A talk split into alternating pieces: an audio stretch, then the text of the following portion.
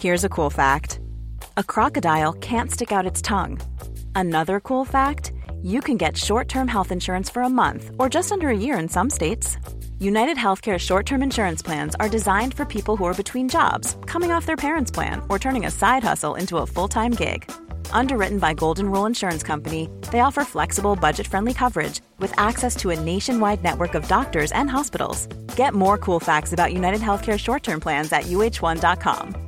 One size fits all seemed like a good idea for clothes Nice dress. Uh, it's a it's a t-shirt. until you tried it on. Same goes for your healthcare. That's why United Healthcare offers a variety of flexible, budget friendly coverage for medical, vision, dental, and more. So, whether you're between jobs, coming off a parent's plan, or even missed open enrollment, you can find the plan that fits you best. Find out more about United Healthcare coverage at uh1.com. That's uh1.com. I dag, Øystein, eh, kjenner jeg at det blir en bra, en bra pod. Det er en dame som vi har observert litt på avstand. eh, Kjenner til henne, har hatt lyst til å ha henne på lenge. Omsider er dagen kommet. Og en liten sånn intro til den podkastepisoden her. eh, Så er det Det er jo snart ski-VM. Vi har snakka masse om ski. I overkant mye ski. Vi skal kanskje innom ski. Vi skal liksom tangere randsonen eh, av ski også i dag. Men vi snakker mye om medaljens fremside. Men medaljen har kanskje også en bakside. Vi skal kanskje innom det. Og så skal vi innom litt hva dagens gjest driver på med i dag. For det er en glede å ha deg på besøk. Barbro Sæta. Sæta eller Sæta? Sæta. Sæta BDS, var det jeg trodde. Det er viktig. Det er viktig å si det rett. Så kult. Nei, det, er glede, det er en glede å omsider ha deg, ha deg på her. Jeg, jeg kjenner deg jo sånn delvis, men ikke sånn kjempegodt. Så jeg tenkte, kan vi ikke starte, Barbro, med at du introduserer deg selv til eh, gjestene og oss Ja, lytterne? ja hvor, hvor skal jeg begynne da? Kan begynne å si at eh, hvor gammel jeg er, da. Eh, først, herregud, jeg har mast og spurt så mye om å være med i den poden her. Og nå det burde egentlig hatt meg bunad. Du har jo på deg bunad. Husk, at- husk at lytterne, ja, lytterne, lytterne kan ikke se. De kan ikke se. er Så, er så jøss, så du tar på bunaden! Den, den så vi ikke komme. Det, vi har pynta oss, kjole Er og hvitt sitter vi i, og du er i bunad. Dette Er er det, en er, festdag. er det lov til å si at du har samme vei inn i podden som jeg hadde til OL-gull? Noen blei sjuke, og vips, så er det, og nå er det bare å gripe er muligheten med begge hendene. Ja, og jeg liker jo å gjøre som deg. Eh, Så det, er jo, det tar jeg som et kompliment. Men du må være Jeg har gjort mange feil, altså da må du da må jeg, Ring meg før du gjør det, da skal jeg si om det var lurt eller ikke. Nei, men, ja. men, men jeg er veldig glad for det, i hvert fall. Tusen takk. Ja, det er bare rettelse der. Du er ikke her fordi at noen ble syke, men du ble framskynda for noen ble syke. Så Ja, det er vi faktisk vi er helt korrekt. Er Men bare Barbro, nok rot. Nok. Få høre, nå. Få høre alder. Eh, Ja. Jeg er 31 år. Ja. Jeg er eh, opprinnelig fra Gudbrandsdalen Øyer, men jeg har bodd i Oslo de siste elleve årene. Eh, Jeg er 100% singel. Ja. Eh, Er ikke det Assel? Man var, sa man på chat Hva sa man på chat i gamle dager? Ja. AS, ASL. Ja, Assel. Alder, sted og Nei, age, sex, location. Å oh, Ja. Oh, ja. Ja, da har vi tatt den. Stemmer det. Da har vi tatt den. Eh, Mirk. Jeg kan min Mirk. Eh, ja, jeg jobber jo litt, da. Ehm, som eh, foredragsholder i Sunn idrett. Og så satser jeg på min egen foredragsvirksomhet. Har vært eh, personlig trener og ernæringsrådgiver i hovedsak de siste ti årene. Eh, Jobba en del som mentaltrener det siden 2018. Mm. Eh, så hovedbasen Eller jeg jobber jo hovedsakelig med folk, da. Mhm. Hatt litt sånn andre oppgaver inn i litt forskjellige ting. Men du, du vi, må, vi, må, vi må tilbake i historien. 2018 Ja. er for ferskt. Vi må litt lenger tilbake. For du har jo drevet med, med toppidrett eh, og idrett eh, på litt ulike nivåer, og du har hatt noe kult prosjekt innen det der òg. Hvis vi spoler Mm. sin tid litt ordentlig tilbake, til Ja. eh, barneskole, ungdomsskole. Ja. Da var jeg ikke Da var jeg ganske mye annerledes. Da var jeg eh, veldig sjenert og li, eh, liten sånn, sånn, som menneske.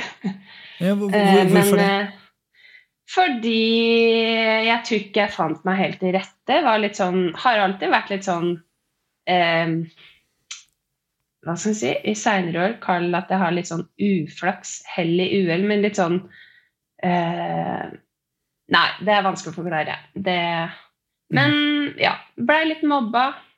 Mm. Eh, det tror jeg sleit litt på meg. Um, var liksom Ja, fant meg ikke helt til rette. Men så har jeg alltid funnet meg til rette med langrenn, da. Og ikke fordi at jeg hadde mange venner. Alle snakker om langrennsmiljø og langrenn, men jeg kjenner, har aldri kjent noen som har drevet med langrenn, annet enn meg og pappa, da. Sånn satt på spissen. Mm. Eh, når vennene mine slutta, så, så Eller begynte på NTG, så ble det enten Jeg ville ikke slutte, og jeg ville ikke begynne på NTG. Jeg ville bli eh, skater og rapper og interiørdesigner, og så eh, vil jeg ha ski som hobby. Ja. For, for, for, bare det, det, for det du sier det er interessant, da. i den podkasten har vi hatt masse langrennsfolk innom. Og, og spesielt de som da har vunnet medaljer, og de som har vært veldig synlige. og det er, på en måte blir det kanskje sånn feil seleksjon her. for Hvis man kun snakker med i gåseøynene vinnerne, altså de som lykkes mest, de vil jo hele tiden selekteres i alle miljøene de er, og så til slutt er de på landslaget, og så er de alltid fornøyd, for de er jo alltid på lag, og de er alltid blant venner og alltid enere. Men det vi ikke hører så mye om, og de som ikke får, vanligvis ikke er på besøk i podkasten her, jeg vet ikke om det gjelder deg, da, det er jo de som faller utenfor. Og, så, og, og spørsmål nummer én er jo er det noen som faller man utenfor? Altså, Hvorfor følte ikke du at langrennsmiljøet var inkluderende? Hva, hva gjorde langrennsmiljøet Um, feil? Jeg tror jeg var for det første veldig sjenert, og jeg var jo, hadde jo venner sånn på barneskolen og sånn. Eh, men så når vi Når jeg slo Vår lille gruppe fra Øyer slo seg sammen med Lillehamringer eh, i ja, sein barneskole, tidlig ungdomsskole, så um, var det en gjeng hvor alle kjente alle. Og jeg kjente ingen, og jeg opplevde ikke å bli inkludert i den gjengen.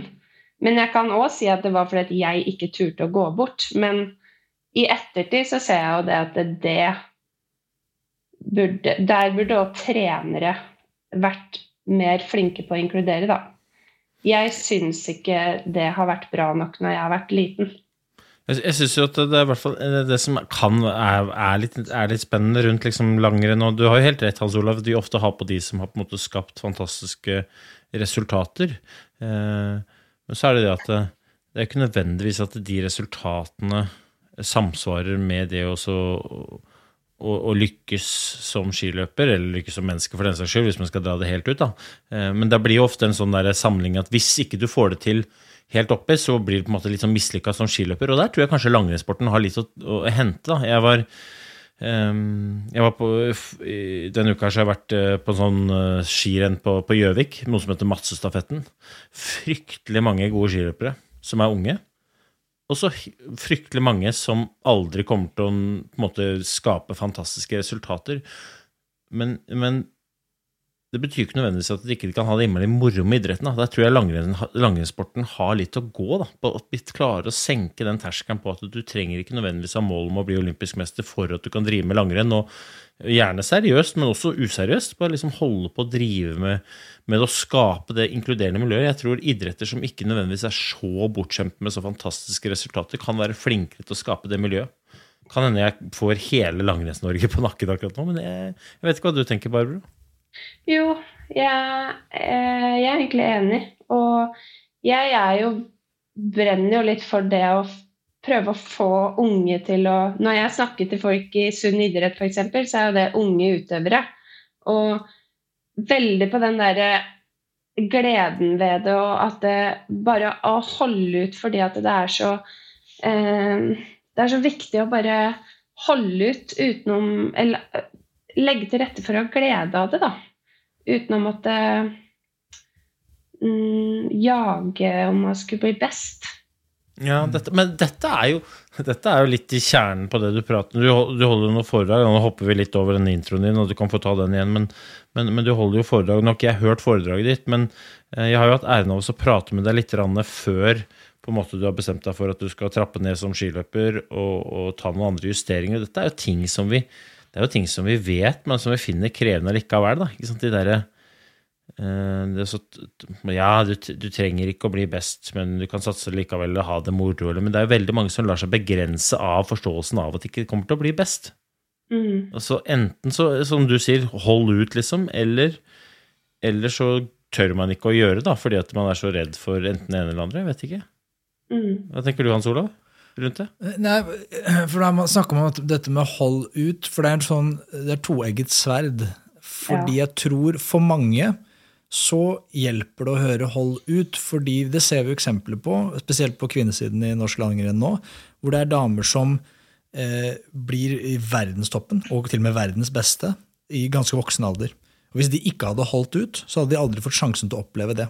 Og For de er det på en måte, tror jeg det hadde vært sunt og godt at noen forteller det at eh, du har det i deg, men bare, du, ja, du får det ikke like lett som Johannes Klæbo. Alle får det ikke så lett. Hvis du kun skal være Petter Northug og Johannes Klæbo som skal ha målestokken, da vil ingen vinne OL-gull. Hvor gammel var du når du vant OL-gull, Øystein? Du var jo i hvert fall oppe i 20-åra. 28?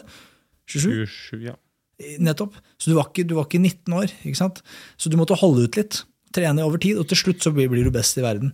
Samtidig så er det på, på den andre siden så er det, er det jo litt det at, at, noen kanskje holder ut litt, er litt for god på å holde ut. da. Eh, og de burde kanskje raskere sett seg selv i, speilet og, og møtt seg selv i døra, eller en annen analogi, og tenke at er, er, digger jeg det jeg driver med nå, er jeg på rett kurs? Eh, og hvis svaret på det er nei, så, så er, det, er, det, liksom aldri for seint å snu, da, som vi lærer. Jeg skulle ønske de unge lærte seg å sette seg sine egne mål tidlig. Det å liksom eh, være trygge i seg sjøl, da. Eh, og sin utvikling. Det jeg skulle ønske, det er kjempestore ting. Men, eh, men, jeg tror det kan gjøres mye ved å prate sammen og, og, og Men samtidig si at hvis du vil bli best, så må du jo Det kreves jo en jobb. Ja, men Si at målet ditt ja. bare for å utfordre det, si at målet ditt når man er 15 år For er, jeg, tror, jeg, jeg, tror, du har helt rett. Da. Jeg er helt enig med deg. Jeg tror unge folk og blir flinke, Alle blir flinke til å sette seg mål. Ikke bare unge folk, men kanskje ja, spesielt unge, unge folk. Eh, fordi man, er, man, surrer rundt. Jeg gjorde det selv. Man surrer rundt og løper i hamsterhjulet, sladder. Er, for man, man, kan tillate seg det som ung, at man behøver ikke å ha en retning. fordi har, det er ikke noe ansvar. Du kan bare eksistere. Mm. Eh, men si at målet ditt er, når du er 15 år, er å bli verdens beste på ski. bare for å bruke Det som eksempel. Det er målet ditt, og du er veldig tydelig i målet. du er villig til å legge ned jobben. Så merker du etter ett år eller et halvt år at eh, dette gjør meg ikke lykkelig. Jeg trives ikke med langrenn, jeg trives ikke i miljøet her, jeg har det ikke bra med meg selv. Eh, så tror jeg at eh, mange da holder ut der de kanskje burde hatt gjort om kursen. Og det er et interessant spørsmål. Hvorfor skjer det? Og jeg vet ikke om det er noe du kjenner deg igjen i, at du, at du, si, at du holdt ut i noe du kanskje ikke burde ha holdt ut i? Uh, for å si det sånn, så skulle jeg ønske i Kall det voksen alder Det er, det er folk som har sagt fra til meg, men jeg skulle ønske um, uh, at noen sa at nå får du virkelig ikke lov til det du driver på med. Jeg skulle, no, når jeg skulle ta mitt prosjekt toppidrett, så skulle jeg ønske noen hadde sagt at da må du gjennom en medisinsk undersøkelse først. Ta, ta, ta konteksten først, da. Ta liksom, Fortell lytteren hva prosjekt toppidrett var, da. For, bare, ja. Så vi starter for det. Men det, det, her en, det, her kommer til å bli en veldig Nå, nå må dere spisse ørene deres. Da. Ikke nødvendigvis akkurat på prosjektet, men mekanismen er sånn. Det blir ganske ja. spennende. Ja. Eh, jeg eh, for å ta det helt tilbake, da, så eh, ble ifra liksom Jeg har konkurrert så å si hele livet. I turen, i langløp, ja. Og hvert år har egentlig gått ganske bra. Jeg har sittet med den følelsen hvert år at det, hva hvis jeg hadde gjort det her litt til? Hva hvis jeg hadde eh, virkelig hvert år hatt lyst til å satse mer på ski, da? Eh, og så i Nils Ingar Odne Nilsi tok jo det prosjekt toppidrett Var det i 2018? Samme det. Jeg tror det var i 2018. Mm. Eh, da ble jeg sånn Da ble jeg så inspirert. Han gjorde akkurat det, det jeg hadde tenkt på hvert år. Eh, men da eh, ville jeg heller kjøpe min første leilighet i Oslo, så jeg tok et valg om å eh, jobbe ekstra. Og så kom jo da Og så jeg, fikk jeg da mitt første år på siden 2007 hvor jeg ikke fikk lov å konkurrere plutselig fordi jeg måtte få litt orden på helsa. eh, i 2018. Og så kom jo covid, så da var det to ekstraår plutselig uten å konkurrere. Så i 2021, da var det sånn Nå er jeg på bærtur på alle områder i livet med tanke på at jeg ikke veit hva jeg vil drive med lenger og sånn. Så nå satser jeg Nå tar jeg et sånn år hvor jeg kun ville jobbe akkurat det jeg måtte. Jeg regna ut hvor mye inntekt jeg måtte ha. Jeg ville få meg sponsorer. Jeg ville få meg et profesjonelt lag, være med de beste. Virkelig liksom kjenne på alle valgene jeg skulle ta, var for å føle meg som en toppidrettsutøver, da. Men så nedover i den løypa her, da. For det starta jo som en drøm, men så nedover i den løypa her, så eh, Nå kjenner jeg litt i historien, altså du får, du får eh, korrigere meg hvis jeg sier feil, men eh, så, så, kjørte du litt over deg sjæl. Eller ikke litt over, du kjørte rett over deg sjæl, og så endte du opp med at det, det du holdt på med, egentlig ikke var noe bra, da for deg, og du synes, du ikke som I hvert fall på meg så virka det ikke som du syntes det var noe moro, og, men du var veldig flink til å holde ut. Da, så sier du da liksom før du forteller historien at uh, du skulle ønske at noen hadde sagt at dette her må du slutte med. Ja, fordi saken Jeg har jo en jeg har, For det første har jeg en forhistorie hvor jeg har vært veldig sjuk av spiseforstyrrelser eh, i ungdomsår det er på en måte Jeg tar det litt som nesten ett liv, fordi at det, eh, jeg hadde veldig mange gode og friske år fra 2012 til 2016. Og så skjer det en ganske heftig hendelse i livet mitt i 2016 som gjør at det, de, det kontrollbehovet, de mekanismene, kommer tilbake på en helt annen måte. Og da er jeg voksen, jeg har et yrke hvor jeg skal kunne alle disse helsegreiene. Jeg, jeg, har en bachelorgrad i ernæring jeg, eh, hvor det er veldig lett å bagatellisere de problemene. Sånn at det, eh, i da to år så sliter jeg kroppen min i forhold til at jeg trener veldig mye og får i meg for lite mat. Eh, over lang tid. Eh, I tillegg til å ikke ha det bra med meg sjøl i det hele tatt. Også når du begynner med et prosjekt toppidrett i en sånn tilstand hvor du ikke liksom Jeg begynte Helt ærlig så begynte jeg litt med det i håp om å skulle bli helt bra. Nå skal jeg stille et vondt spørsmål, og det er ikke um, egentlig relatert til spiseforstyrrelsen, men mm. Eh, til målet og til reisen og til den følelsen som du sitter med når du sier at 'jeg burde jo aldri begynt på det'. Men eh, var det verste å erkjenne at eh, eh du ikke eh, takla liksom hele konteksten? Eller var det verste å innrømme overfor seg selv at det, fadderen, det målet som jeg har satt meg, det er kanskje ikke så viktig for meg likevel, fordi at jeg blir deppa? Mm. Uh, for du, du, du, du, fortalte jo meg mange ganger liksom ting du gjorde for at du hadde lyst til å få til, men så fortalte du meg i neste setning at du hata å gjøre det. Du, du ja. hadde jo veldig lyst til å være en som samtidig som du, når du gjorde det som den drømmen på en måte, eller målet var, så, så trivdes du ikke, og kroppen funka ikke, og på en måte var, ble en sånn Ja, det var en sånn, egentlig en ond spiral, da.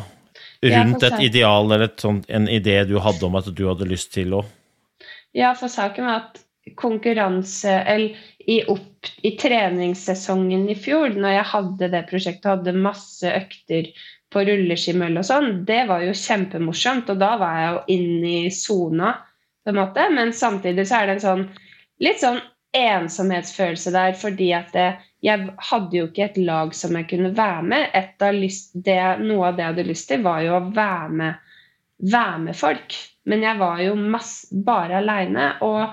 Men konkurransesesongen ble jo totalt fiasko. Og det en av grunnene til at jeg gleda meg til europaturneen i januar, var jo for å eh, rømme litt fra mitt eget hjem. Så det var jo litt nedtur at både det ble fiasko, og jeg ikke fikk det noe bedre når jeg kom hjem. Og så sier du jo da at du ønsker Sorry, Hans Olav. Og så sier du jo at du skulle ønske at det, vi lærte ungdommene én å sette oss mål, men to også bli trygge på seg selv. Da. Eh, Hvis jeg spør deg hvordan du i retrospekt tenker på Barbro Zeta under den perioden, var du trygg? Altså, Hvordan, hvordan vil du selv beskrive Barbro når det kommer til temaet trygg på seg selv? Eh, jeg er trygg på meg sjøl i ehm, Jeg pleier å si at jeg Jeg si at eh, jeg har hatt Siden 2016 så har det bygd seg opp en veldig sterk glassvegg hvor jeg er har mange lag, og så er jeg veldig trygg i de fleste lagene, men de innerst inne, de som er de aller viktigste å være trygg på, der er jeg ikke trygg. Der er jeg livredd og, og har hatt det ganske vondt, da. Gjelder det fortsatt, eller? Eh, det er eh, Den begynner å bli ganske tynn, den glass... Eller det jobbes knallhardt med det, men eh, det, er, det gjelder litt. Hvor, hvor kommer dette fra? Den, altså, hvor henger det igjen fra disse opplevelsene du beskrev litt her fra du var yngre, i barndommen? Eller er det noe du har hatt liksom, fra du, så lenge du kan huske? Eller er det noe som har kommet? Det henger mye fra det derre Det var et eh, brudd i 2016 eh, som eh, skapte ganske mye trøbbel. Mm. I forhold til at jeg blei veldig, veldig svikta. Mm. Eh, og så er det ting fra barndommen som eh, har liksom vært tøft, da. Jeg, men jeg har aldri opplevd Jeg har ikke opplevd noen traumer, men det har vært sånne drypp. Drypp av mye sånn vonde ting som bare setter seg, og det er særlig Det er relasjoner, det er nære relasjoner. Venner, dater eh, Å prate med Altså, det er ingen problem. Det profesjonelle, ingen problem. Men det å finne seg en kjæreste, da, for å si det sånn, Mm. det er et helvete. For når jeg møter en bra person som vil meg alt godt, så blir jeg en helt annen person. Da fryser jeg til is og trekker meg unna. For jeg blir livredd. Men så er jeg tøff på alle andre måter. Da er spørsmålet hvordan er det man da og Du trenger ikke nødvendigvis svare på hvordan du jobber, da, men hvordan er det man kan jobbe for å skape den tryggheten hos barn, ungdom og, og voksne? For jeg tror, jeg tror ikke dette er noe som er spesielt viktig for, for unger. Jeg tror det er generelt viktig for alle. da, og på en måte gå, Det å gå rundt og kjenne på den tryggheten. og Jeg har ikke noe rett eller jeg har ikke noe, måte, noe statistikk som viser at det er veldig mange som går rundt og er utrygge på seg selv, men jeg tror det er veldig mange som kunne ha vært tjent med å vært tryggere. Det tror jeg. Og så er spørsmålet ja. hvordan er man måte kan skape det? Jeg er så for å prate. Eh, prate med eh, folk. altså Jeg liker jo Det er ikke sikkert alle har noen å prate med, men det må finnes én person eh, som en kan prate med. Mm. Jeg har trua på det å prate og tørre å være åpen. Det er i hvert fall jeg. Fordi jeg har lenge så Jeg har vært veldig mye skamfull inni meg. Og veldig eh, I og med den derre private rolla, profesjonelle rolla. Og jeg sa lenge det at det, inn, til meg sjøl at det, Men det, de problemene jeg har, det er ikke meg. Det er ikke meg. Når jeg fordi saken er at jeg har de siste årene brukt mat som forsvarsmekanisme mot å kjenne på følelser. Um, I mange situasjoner. Og når du gjør det, uh, så har det til tider vært en sånn opplevelse av å gå helt ut av deg sjæl. Du styrer ikke deg sjøl når det skjer, men samtidig så gjør du jo det. Og, og det er ganske skamfullt å tenke på at det skjer, og du ikke klarer å kontrollere det når du veit hvor skadelig det er for eh, kroppen din. Men når jeg har skjønt at ja, men det er jo meg, det er jo en utfordring jeg har, det er et problem jeg har, og tar tak i det og gjør det jeg kan for å bli eh, Skulle bli kvitt det, så er det mye lettere å jobbe med det, da. Mm. Det, er vondt, det, er vondt, å høre det, Barbro. Det må jeg være ærlig å si. da. Jeg syns det er uh ja, men jeg, jeg, jeg, jeg, jeg, opplever det Jeg har lyst til, å anerkjenne det. Jeg opplever det som veldig modig. Og jeg håper òg at du eh, eh, anerkjenner det for din egen del òg, og, og, kan bygge trygghet i det. Da. For det er en veldig vond historie, men dessverre så er det veldig mange som kan kjenne seg igjen i det. Og, eh, bare for å så måtte, Vi kan jo vi kan fint gå videre, men liksom. Hvis det er flere der ute som kjenner på disse tingene, hva er det, hva er det man kan gjøre? Det, kan man, en ting er jo å, å, snakke med noen, men er det noen spesielle, er det noe sted man kan ringe? Liksom? For dette er ikke noe som man fikser på egen hånd sånn. Vet du hva, jeg skal være helt ærlig, også fordi jeg kan svare ja, du har mental helse, og du har ros, og du har så mye, eh, men jeg veit ikke hvor bra jeg veit ikke hvor lett du kommer gjennom på sånne tendenser. Jeg kan si hva jeg gjorde, hva som skjedde med meg. Jeg hadde Heldigvis hadde jeg to venninner som satte ned foten til meg i 2017 og ba meg skjerpe meg, og, fordi de var så bekymra for meg. Eh, for jeg hadde blitt mye tynnere uten å jeg, jeg, ville jo ikke ned i vekt, men jeg hadde blitt det pga. det bruddet og pga. masse trening. Og det var da jeg skjønte at det, det, var da jeg begynte å få hjelp, og jeg oppsøkte Det var en prosess for å komme til en psykolog. For å si sånn, Den psykologen har jeg holdt på i to år. Mm. To og et halvt år. Men så har du jo det, syns jeg er litt fascinerende, for på en måte den det du snakker om nå, det er jo det, er jo det du snakka om, Hans Olav. Liksom det å holde ut, det å ikke gi seg, det å på en måte være litt sånn hard med seg selv. Og det er man jo opplært til å, å være, og i mange situasjoner så er det veldig bra. Men så, så har jo du et, eh, et, foredrag nå da, bare som du har begynt å rulle ut, som heter Gjør det. Um, mm. Uh, og jeg, jeg, tror du har sagt til meg en eller annen gang at du lar deg fascinere av folk som bare gjør det. Og så tror jeg du brukte Nilsi som eksempel. At du, liksom, du lot deg fascinere av at han bare sa nei, nå, nå skal jeg satse. Uh, men det gjelder jo litt dette òg, når det er destruktive måte, krefter i spill. så gjør det i betydningen stopp opp, uh, ta et skritt til siden, søk hjelp, eller stopp opp, uh, spør deg selv noen vonde spørsmål som kanskje ikke du vil ha, men som du trenger. altså gjør det er jo Det er veldig mange lag på gjør det. Uh, ja. For det er veldig lett å tenke gjør det handler om nå kjører jeg all in på noe, men det kan jo hende være at all in betyr å stoppe 100% opp også. Ja, og det er det jeg vil tilbake til eh, ref når jeg har snakka med deg og sånn. For eh, tilbake til prosjekt toppidrett, da, så blei det eh, Konkurransesesongen blei ikke bra, og ting endra seg. Jeg hadde ikke For første gang så kjente jeg ikke på den gleda og mestringa og meninga med det. Og det er jo fint, fordi det er jo, på, det er jo greit å kanskje ta blikket litt opp fra den skigreia og prøve å finne ut litt mer hva du vil jobbe med òg. Men så så bestemte jeg meg for å ta en sesong til, men så er jeg jo så prøver jeg hele tida å kjenne et, og mulig, ha det mest mulig bra, da. Men så har jeg det ikke bra med å skulle ta en sesong til med det prosjekt toppidrett. Jeg kjenner at det, nå gjør jeg det for alt mulig annet. Nå gjør jeg det fordi jeg er redd for å Hva skal jeg gjøre hvis jeg ikke skal trene tre til fem timer om dagen? Og eh, ikke ligger jeg i senga mellom økter. Altså, jeg sliter meg jo ut.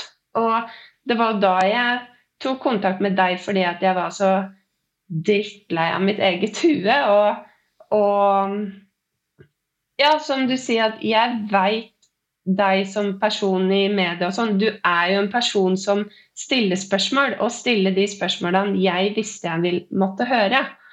Og det er jo en ting, det skulle jeg si i stad, men nå zooma jeg litt ut, da, men det er jo derfor jeg liker deres podkast så godt. Og fordi dere er folk som tør å stille spørsmål. For vi må tørre å stille spørsmål, både til oss sjøl og til andre. da. Mm. Så får det være litt treffende, da. Men Så får det bli litt provoserende av det. Men det er da man begynner å tenke. Og det fikk jeg av deg, da, Øystein. Og da Og da begynte jo ballen å rulle inn i det topplokket her enda mer. Og så, og det har vært, kall det lett, da, det med jobb og Ok, for da er jeg jeg har jo Ja, ok, jeg skjønte. Jeg må faktisk tørre å trene mindre hvis jeg skal finne overskudd til å finne ut hva jeg vil. Jeg må stoppe opp. Jeg må stoppe helt opp. Det jeg gjorde da, var å bl.a. ta meg noen netter på hotellet nede i byen i Oslo og ja, prøvde å reflektere litt over livet. Endte opp på sykehuset der, men det er en annen sak. men, eh, men i hvert fall så Og det er på en måte lett, men så har du den der innerst inne, da, som kanskje er det aller vanskeligste, som er lett å ignorere, som til slutt bare sånn gradvis sier Kanskje det er på tide å begynne å bli ærlig med seg sjøl òg. Og for min del at jeg Og jeg, når jeg blir ærlig med meg sjøl Ok, for hver treningsøkt jeg har, har jeg følt det siste halvåret at jeg har slitt kroppen 1% Og det er ganske hardt å innrømme til seg sjøl. A lot can happen in the next three years. Like a chatbot may be your new best friend. But what won't change? Needing health insurance. United Healthcare Tri Term Medical Plans are available for these changing times. Underwritten by Golden Rule Insurance Company, they offer budget friendly, flexible coverage for people who are in between jobs or missed open enrollment. The plans last nearly three years in some states, with access to a nationwide network of doctors and hospitals. So, for whatever tomorrow brings, United Healthcare Tri Term Medical Plans may be for you. Learn more at uh1.com. There's never been a faster or easier way to start your weight loss journey than with PlushCare. PlushCare accepts most insurance plans and gives you online access to board-certified physicians who can prescribe FDA-approved weight loss medications like Wigovi and Zepbound for those who qualify. Take charge of your health and speak with a board-certified physician about a weight loss plan that's right for you. Get started today at plushcare.com slash weight loss. That's plushcare.com slash weight loss. plushcare.com slash weight loss. Jeg satt, jeg satt, jeg satt Når du pratet nå, så satt jeg liksom og eh, tenkte på det at det er på en måte For å Ref, ref trygghet, da. For, også for å bli trygg, så er man jo nødt til å være ærlig med de rundt seg, men i hvert fall med seg selv. Og så er det jo grunnen til at vi ikke liker å stille spørsmål, er jo fordi vi er litt Jeg er ikke sikker vi har lyst, til- lyst til å vite svaret. Ikke sant? Ja. Du har ikke lyst til å vite svaret. Eh, og da må en hvis du kobler det på det på en måte målet, da, og hvis da målet er den du, du har så innmari lyst til å være det målet representerer, men så kjenner du at det kanskje ikke funker, og hvis du da er ærlig med deg selv, så må du plutselig begynne å justere mål, og det kan være som personangrep, og hvis man da begynner med det, oh, da blir man kanskje litt sånn utrygg. Eh, jeg, jeg tror det der så det å ta inn over seg den der ærligheten da, jeg tror, jeg tror jeg det er mange som kan kjenne seg igjen i. Jeg trenger ikke nødvendigvis trenger å trene tre til fem timer om dagen for å kjenne på at eh, Men helt ærlig, hvordan er det det står til? Mm. hvordan er det med følelsene mine? Hvordan er det med relasjonene mine? Hvordan er det med, med helsa mi? Kanskje helsa er det kanskje alle altså, Hvordan står det til med helsa? Skal vi ta en helt ærlig vurdering på det, eller skal vi bare lukke øya og håpe at det går bra videre også? Mm. Og det er jo sånne ting som er eh, det er jo modig å gjøre det, men jeg, jeg tror det er viktig innimellom. Eh, Og så er er det jo nok av eksempler på hvor folk lar det skure og gå helt til det katastrofen inntreffer. Og de som er heldige og overlever katastrofen, har jo en tendens til å få vite status quo, og da selvfølgelig skifte retning rimelig kjapt etterpå. Men det er jo dumt at vi kjører oss så ned i sumpa da, innenfor det ene eller det andre. Vet ikke om du er uenig, Hanso? Jeg sitter og tenker på det som jeg ville spørre om i stad. Jeg er litt nysgjerrig på motivasjonen til både til prosjektet, hva du tenkte, og hvorfor, hva motiverte deg til å gjøre dette toppidrettsstuntet. Men også, hvis man spoler tiden tilbake før det, så skjønner jeg at du har hatt litt utfordringer med spiseforstyrrelser. Som vi har hørt om av flere av gjestene vi hadde. Vi hadde jo, begynner å bli et par år siden, men så hadde vi en del gjester på besøk som også snakka om det. At dette er, og det, jeg tror det er veldig utbredt, og mye mer utbredt enn vi vet også. Men, øh, og jeg, har, jeg, klarer å- jeg klarer ikke å relatere meg til det så personlig, men jeg, derfor er jeg veldig nysgjerrig på motivasjonen bak. Hva, hva, hva tenkte du da? Hvordan resonnerer du når du tar beslutningen på at du, du vet fornuften i deg, vet at dette ikke er bra for deg, men du gjør det likevel? på et vis? Skjønner du spørsmålet? Ja. Det har jeg tenkt på mange ganger. Men uh, Før så var det jo, når jeg var mindre, så var det jo et eh, Intensjonen min var jo i Jeg hadde tre mål, og det var at jeg skulle bli sprekere. Det var ikke noe mer enn det. Jeg skulle bli sprekere. Jeg skulle bli kvitt sprettrumpa mi, for jeg blei Turte ikke å gå i stramme bukser, for jeg fikk høre at jeg hadde eggerumpe og veldig stor rumpe. Og så skulle jeg bli kvitt eh, oppblåst mage. Så det var vekt, eller det var liksom vekt, jeg ville bli tynn, jeg ville tørre å gå i stramme bukser. Og så det derre kontroll, eh, kontrollbehovet. Mestre noe. Eh, I seinere, i voksen alder, holdt jeg på å si, nå de siste åra, så har det vært, så har mat vært eh, Jeg er en person Alt jeg vil, er å føle mye. Og jeg liker det der å ri hele bølgen av følelser. Men det jeg jobber med og har jobba med, det er at når eh, følelsen stiger, stiger, stiger, stiger, stiger, og når bølgen er høyest, da blir det så ubehagelig at da må du ty til en forsvarsmekanisme for å numme deg sjøl. For å slippe å kjenne på Før så var det bare når det var vondt, men så blei det òg når det var bra. Når ting blir overvelda, da klarer jeg ikke å stå i det. Okay. Og det er ikke det er ikke når jeg er med andre. Det er ikke hvis jeg er i et Men når jeg er hjemme i min egen leilighet Nå sier jeg 'er', det er i mye mindre grad nå, men jeg er fortsatt jeg er fortsatt til tider redd, men jeg har bare enda mye mer for, Jeg har enda mye mer eh, Blitt enda bedre på å håndtere det nå, da. For å, stille konkret, for å få det konkret, uh, Ja. for dette er veldig spennende, veldig interessant. Eh, for å prøve å beskrive den følelsen. eh, for å bruke et eksempel, at du, du hadde nettopp eh, lansert foredrag. Du, kjempesuksess, masse folk var og så på. Jeg antar følelsen stiger, og du er helt på topp. Det, du, du er, det må være en kjempegod følelse, antar jeg. Eh, og det syns du Jeg vet ikke om du syns akkurat det var ubehagelig, da, men, men er det den type følelse? For det kan jeg relatere meg til. At når man får til noe, eller man har vil, vil noe, og så har det gått bra. Hva, hvordan føles det i kroppen din da? Det er eh, det, det Men det Da er jeg god til å regulere det, for da er det sånn Jeg kan fortelle den følelsen som skjer når eh, noe Det er som en strømledning som står på høyspent inni kroppen. Forelskelse, for eksempel? Kan det være det? At hvis du, du er forelska, du får en melding av noen du liker, er det det Jeg, jeg prøver virkelig å Jeg forstå er bare her. jeg. sånn ek, veldig, veldig gira. Ja. Veldig gira, og vi har jo aldri, alle opplevd å være mette, da. Når du er mett, så blir du jo helt sånn ah, Da blir du helt nummen. Da er det det du kjenner på. Ja. Og, og, hva, og hva gjør du? Altså, jeg, jeg skjønte ikke. Altså, du er helt oppe, og så da har du lyst til å komme deg ned på et eller annet vis? Er det det, er det, det du sier? Eh, det som skjer Det som skjer eh, Det er, blir jo en overspisingslidelse, da, hvis en skal si et navn på det. Det som skjer da, Et eksempel når jeg er hjemme, har vært hjemme, så kommer jeg hjem fra noe, eh, og så er jeg veldig overvelda. Jeg er kanskje veldig glad. Jeg er kanskje veldig eh, Ja, den strømmen står på, da. Og så eh, ender det opp med at jeg går rundt i leiligheta, går fram og tilbake, rydder litt, styrer litt. Og det jeg, eneste Da veit jeg at det nå må du bare kanskje sette på litt musikk, puste litt, roe deg litt ned.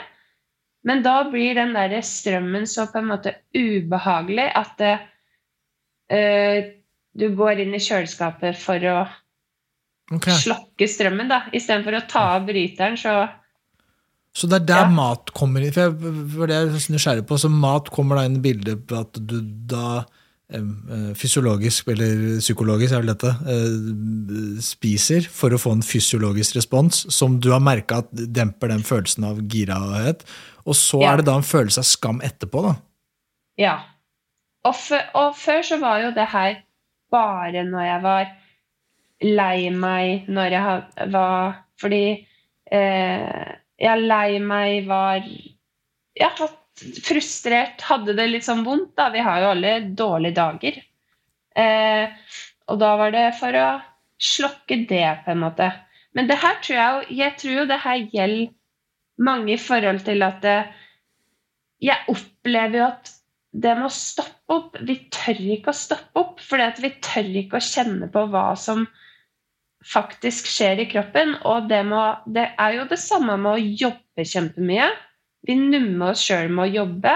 Eh, noen bruker alkohol. Altså, jeg blir helt skremt av å høre hvor, folk, hvor avhengig folk er av alkohol. Mm. Eh, noen bruker andre ting. Altså. Ja, mobilen, er ikke det litt samme mekanisme? Ja, ja. Mm.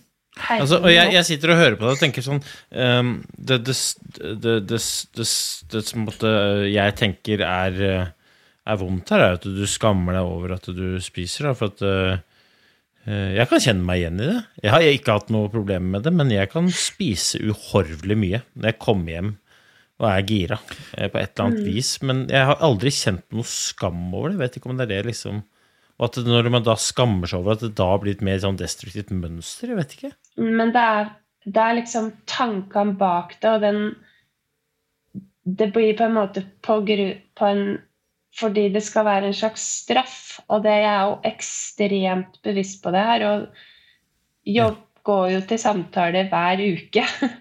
Ja, det er veldig bra, Barbara. Og det, altså... det, har jo vært perioder hvor jeg har kasta opp, og det er sånn Det har jeg ikke gjort nå på veldig lenge, men jeg har oppriktig trodd jeg skulle dødd mange ganger fordi at det, eh, jeg veit hvor farlig det er for kroppen, og så gjør du det likevel, og så trener jeg så mye som jeg gjør, og, og det har jeg jo gradvis skjønt at nå må du få orden på den helsa. Nå må jeg sette meg sjøl først, da. Og så er det supert å være engasjert i jobb og andre ting, men det viktigste for meg nå er å ha overskudd til meg sjøl. Fordi vi må ha overskudd hvis vi skal ta tak i ting. Og i hvert fall det som er utfordrende. Fordi vi kan snakke, og folk hører og blir provosert over ja, temaene du snakker om, Øystein. Men og det høres så lett ut, men noe er lett, men noe er òg jævlig vanskelig. Sorry ordbruket. Jeg helt uh, men, jo, men det er kjempe altså det, Varm i pappen, jeg nå. ja, jeg, jeg, håper virkelig mange hører på deg. Ikke fordi at du nødvendigvis bringer noen svar til bordet, men du stiller i hvert fall noen mange vonde spørsmål. Du tar opp vonde temaer som ah, i hvert fall alle mødre og fedre eh, kjenner på. liksom sånn, Det der er ikke noe, noe stas. Men men er det, er det liksom, er ikke det et trygghetsspørsmål på et eller annet vis? At vi på en måte eh, Om det er trygg, at vi ikke er trygge nok på oss sjøl, eller Eller er jeg helt ute og sykler? Er jeg, hva er det som trigger dette, tenker jeg? Hva er det som gjør at det blir sånn? Eh, jeg eh, er veldig interessert i det der. Eh, for min del Eh, jeg tror ikke Jeg tror en sånn forsterker for meg jeg, For det første, første, Nå hopper jeg litt fram til meg. Men for det første så tror jeg at hvis du skal finne noen du har lyst til å være sammen med i livet, altså en type kjæreste, så tror jeg du må ha det bra innerst inne i deg sjøl. I hvert fall sånn Vi har ikke det hele tida, noen av oss, men sånn grunnleggende, da. Det er min filosofi. Og for min del så Jeg er 31 år. Jeg er så singel som det går an å få det. Det er en vanskelig ting for meg. Eh, 90% av mine venner har unger, har kjærester, er godt etablert. Det er en sånn derre underliggende sånn der ensomhetsfølelse som bare ligger der hele tida, som du hele tida må jobbe mot å kjenne på. For jeg veit jo at jeg ikke er ensom. Jeg har jo masse venner. Jeg har familie. Jeg har masse trygghet. Men så er det den derre lille den derre Komme hjem til seg sjøl og liksom Og i tillegg ha det litt vanskelig med seg sjøl, da. Mm. Så ja, det, det bunner sånn, i en trygghet. Ja, for hvis man er trygg på seg selv, så kan man jo være alene uten å være ensom. Men ja. hvis man er litt sånn utrygg med seg selv, og på de rundt seg så kan man jo være sammen med mange mennesker og likevel føle seg ensom. Mm. Er det ikke sånn? Jo. Jeg tror det er en sånn innerst inne trygghet, og det tror jeg jo er òg at jeg ikke At jeg syns det er vanskelig å få godhet fra noen som vil meg godt, da. For å si, jeg liker jo å bruke dating som For jeg er ganske god på å dra på Tinder-date. Men eh, jeg liker å bruke det som eksempel, fordi Og her er jo mekanismen helt kjørt, da. Men når du eh, En fyr Hele min magefølelse Det er veldig få det her har skjedd med, da, men hele min magefølelse sier at han her må du holde deg unna, for han kommer ikke til å Han kommer til mest sannsynlig å såre deg. Da blir det interessant. Mm. Da blir det interessant å ville møte igjen og kanskje gi en klem og sånn. Men hvor, Men hvis en hvorfor det? For det høres jo, for du sa, du sa noe som jeg, jeg vet ikke om det er riktig, jeg bare filosoferte litt over det. Du sa at for å kunne være i et forhold, og for at det skal ha sannsynlighet for å lykkes, så må man være veldig trygg på seg selv. Og så vet jeg at det ikke stemmer. Jeg vet jo, bare altså, statistisk sett, at det er veldig mange som har forhold, og som tilsynelatende er lykkelige, de har eh, på et tidspunkt, eller PT, eh, er de ikke trygge på seg selv.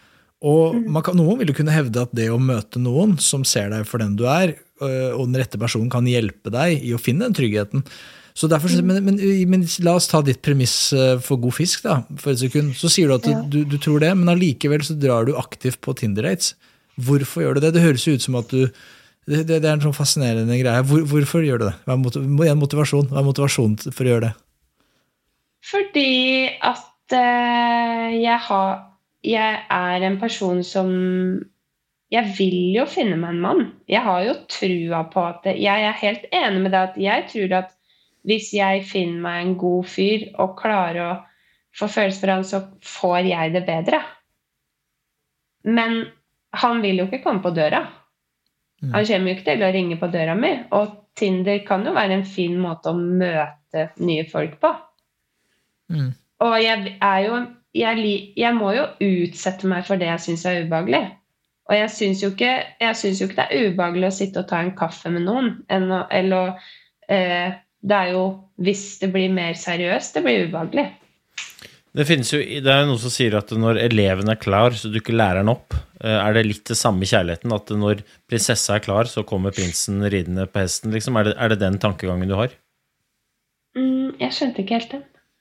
Nei, at du måte må være villig til, eller føle deg trygg nok til å se etter prinsen og være klar, være klar for å ta imot prinsen. Eller at eh, det hjelper ikke å lære noen som ikke er villig til å gjøre jobben. Ref f.eks. spiseforstyrrelser. Min søster er eh, psykolog, eh, og, og er jo, der er det jo mange, mange pasienter, og hun har sagt at det er jo en del pasienter de sender hjem med alvorlige lidelser som ikke er villige til å gjøre jobben for oss å endre. Som ikke er villige til å ta tak og på en måte justere kurs sjøl aktivt. For at det, psykologen din, Barbro, øh, hun får ikke gjort noe annet enn å stille deg spørsmål. Jeg, jeg, er ikke, jeg er ikke psykolog, virkelig ikke. Men det koker jo alltid ned til hva har du tenkt å gjøre med dette? Hva er det du skal Jeg kan hjelpe deg, jeg kan fasilitere, jeg kan stille deg spørsmål, jeg kan lage planer, jeg kan Men øh, disse stegene må du ta sjøl, da. Og med mindre man er villig til å ta de stegene, så, så vil jo ikke en, en hvilken som helst behandling hjelpe. Og, og det der er jo det der er jo fascinerende når du snakker om det der gjør det-greiene. For at det, eh, det er jo litt det samme, ikke sant. Det, der, det, er så, det, er så, det er jo veldig mange som tenker vi må gjøre det, Mm, men så gjør vi det jo ikke. mm. Hva tror dere det handler om, da? Jeg vet ikke, jeg, jeg var fascinert av et annet spørsmål jeg hadde i stad. For jeg tror, jeg tror du sa noe smart. som ikke vet du, du var klar over hvor smart det var. Men du sa at eh, sant, I ditt tilfelle så var det spiseforstyrrelser som, som har vært en greie. Og så sa du at ja, hos andre så er det jobb, eller det er mobilen, eller det er porno, eller whatever the fuck det er, som, som er, man bruker som en, eh, en sånn escapism. Eh, og det du sa, var at det du tror folk flest hadde hatt det bedre om de istedenfor å, å døyve følelsen med noe eksternt, tok seg tid til å bare lytte litt til hva er denne følelsen, hva er det for noe? Når man heller sier sånn «Ah, jeg har ikke, Nei, jeg har ikke, uff, jeg har ikke tid, jeg, ba- jeg må sette meg og jobbe. Jeg, nå må jeg bare sette meg ned og gjøre det i Excel og bare jobbe. Så er det en form for spiseforstyrrelser, kanskje? Ja, det der, er, det der, det der Her burde vi jo selvfølgelig hatt en psykolog da, som kunne svart på det. Burde vi jo hatt uh, en dyktig psykolog som kunne svart på det. Men det der tror jeg er øh, Jeg tror du har helt rett. Og så er vi jo som samfunn så vant til å være okkupert med et eller annet at vi er ikke trent til å senke tempo, kjenne etter, kanskje til og med ikke lyst til å være helt ærlig heller. Og da er man i gang. Da, da er det veldig lett å finne et eller annet som man kan på en måte eh, enten fokusere på eller koble av med. Og det kan være disse hacksa, da. Mm. Jeg er 100% enig, og det er, det er jo derfor det er jo Én ting er jo Altså, det er ikke noe grunn til at jeg, jeg vil komme med mitt eksempel. Det er fordi jeg tror det her kan relateres til veldig mye annet. Som mobil, som jobb, som Og ja. Men i, i, i foredraget ditt, Barbro, liksom eh, Hva er avslutningspoenget ditt? måte? Hva er det du ønsker at de skal huske siste, liksom? Er det, er det stopp opp? Er det kjør på? Er det eh, finne ut hva du har lyst til?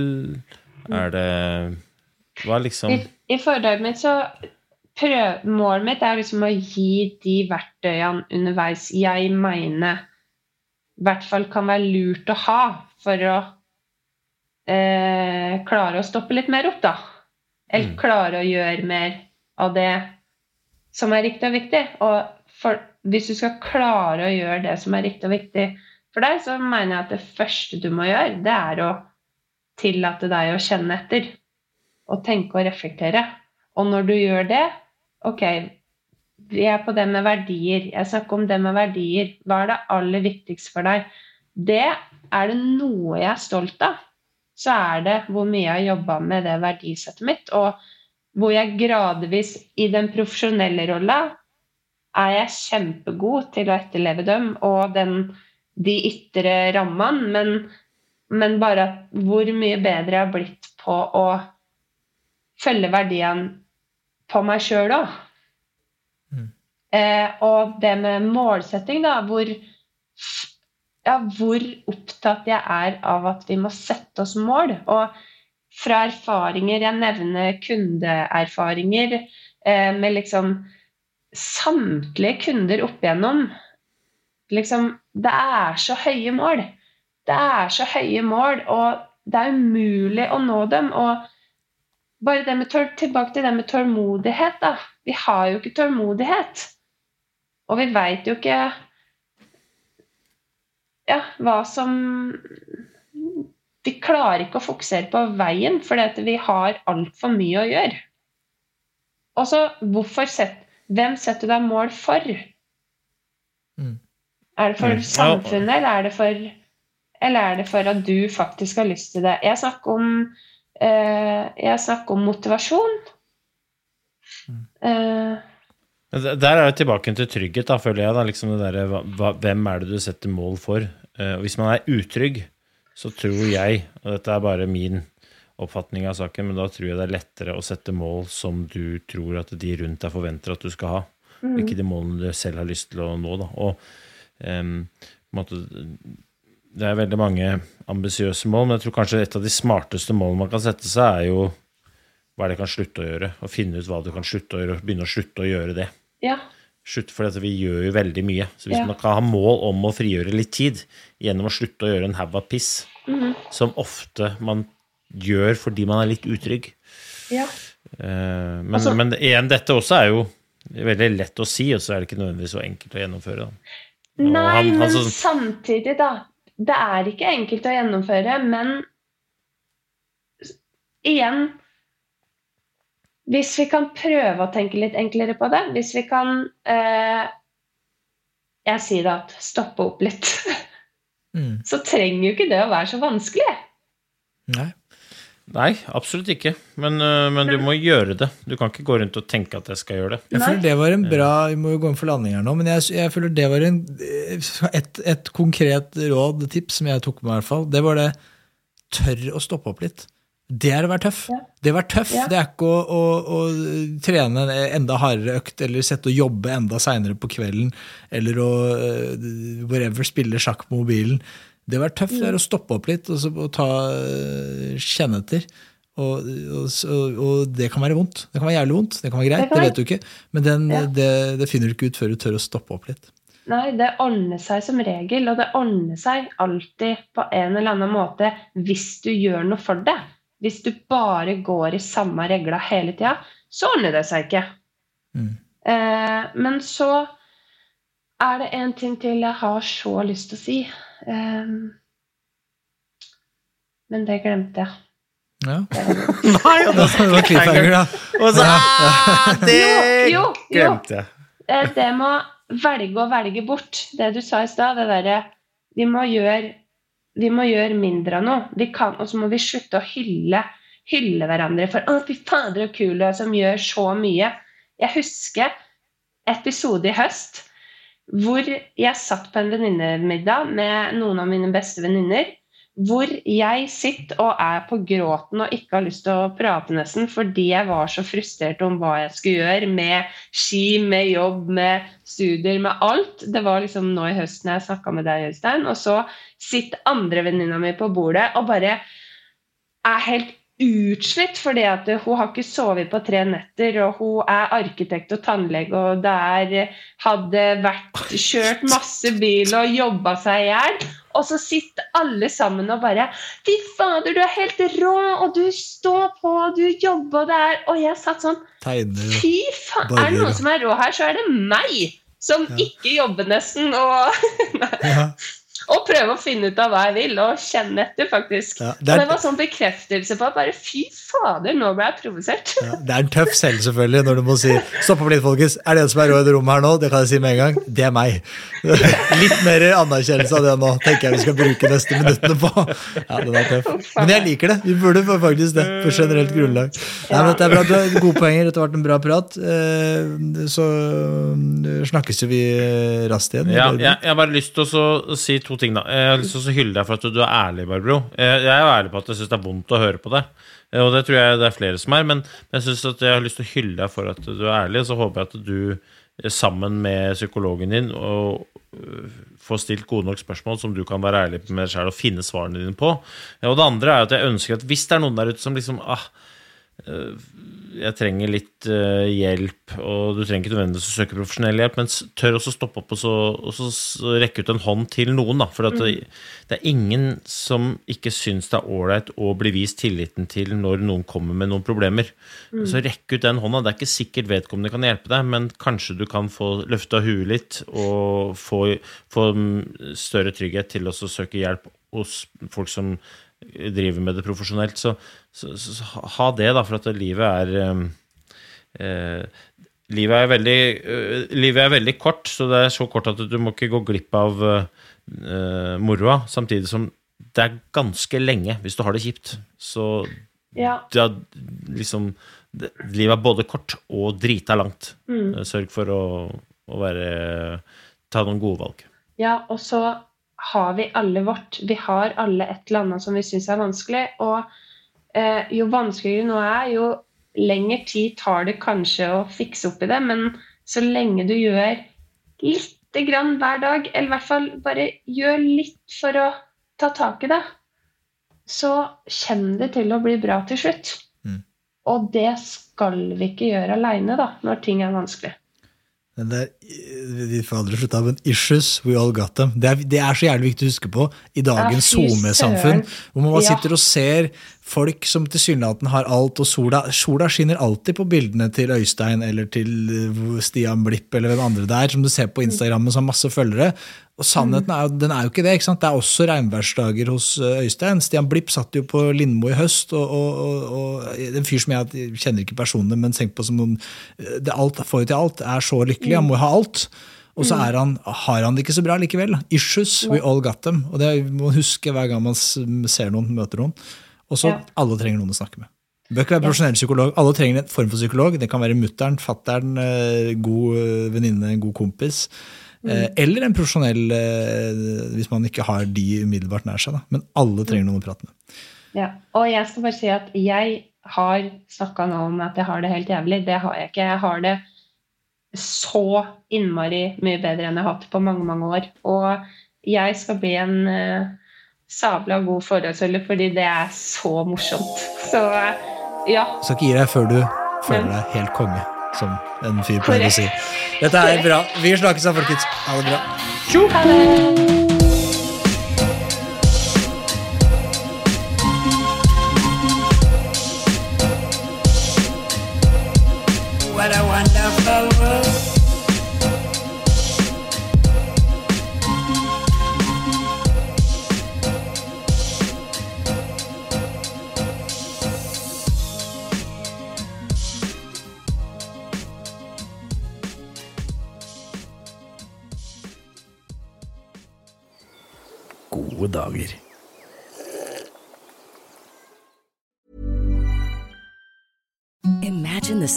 softest sheets you've ever felt. Now imagine them getting even softer over time. That's what you'll feel with Bowl and Branch's organic cotton sheets. In a recent customer survey, 96% replied that Bowl and Branch sheets get softer with every wash. Start getting your best night's sleep in these sheets that get softer and softer for years to come. Try their sheets with a 30-night guarantee. Plus, get 15% off your first order at bowlandbranch.com. Code BUTTERY. Exclusions apply. See site for details. Planning for your next trip? Elevate your travel style with Quince. Quince has all the jet setting essentials you'll want for your next getaway, like European linen, premium luggage options, buttery soft Italian leather bags, and so much more. And is all priced at 50 to 80% less than similar brands. Plus, Quince only works with factories that use safe and ethical manufacturing practices. Pack your bags with high-quality essentials you'll be wearing for vacations to come with Quince. Go to quince.com slash pack for free shipping and 365-day returns.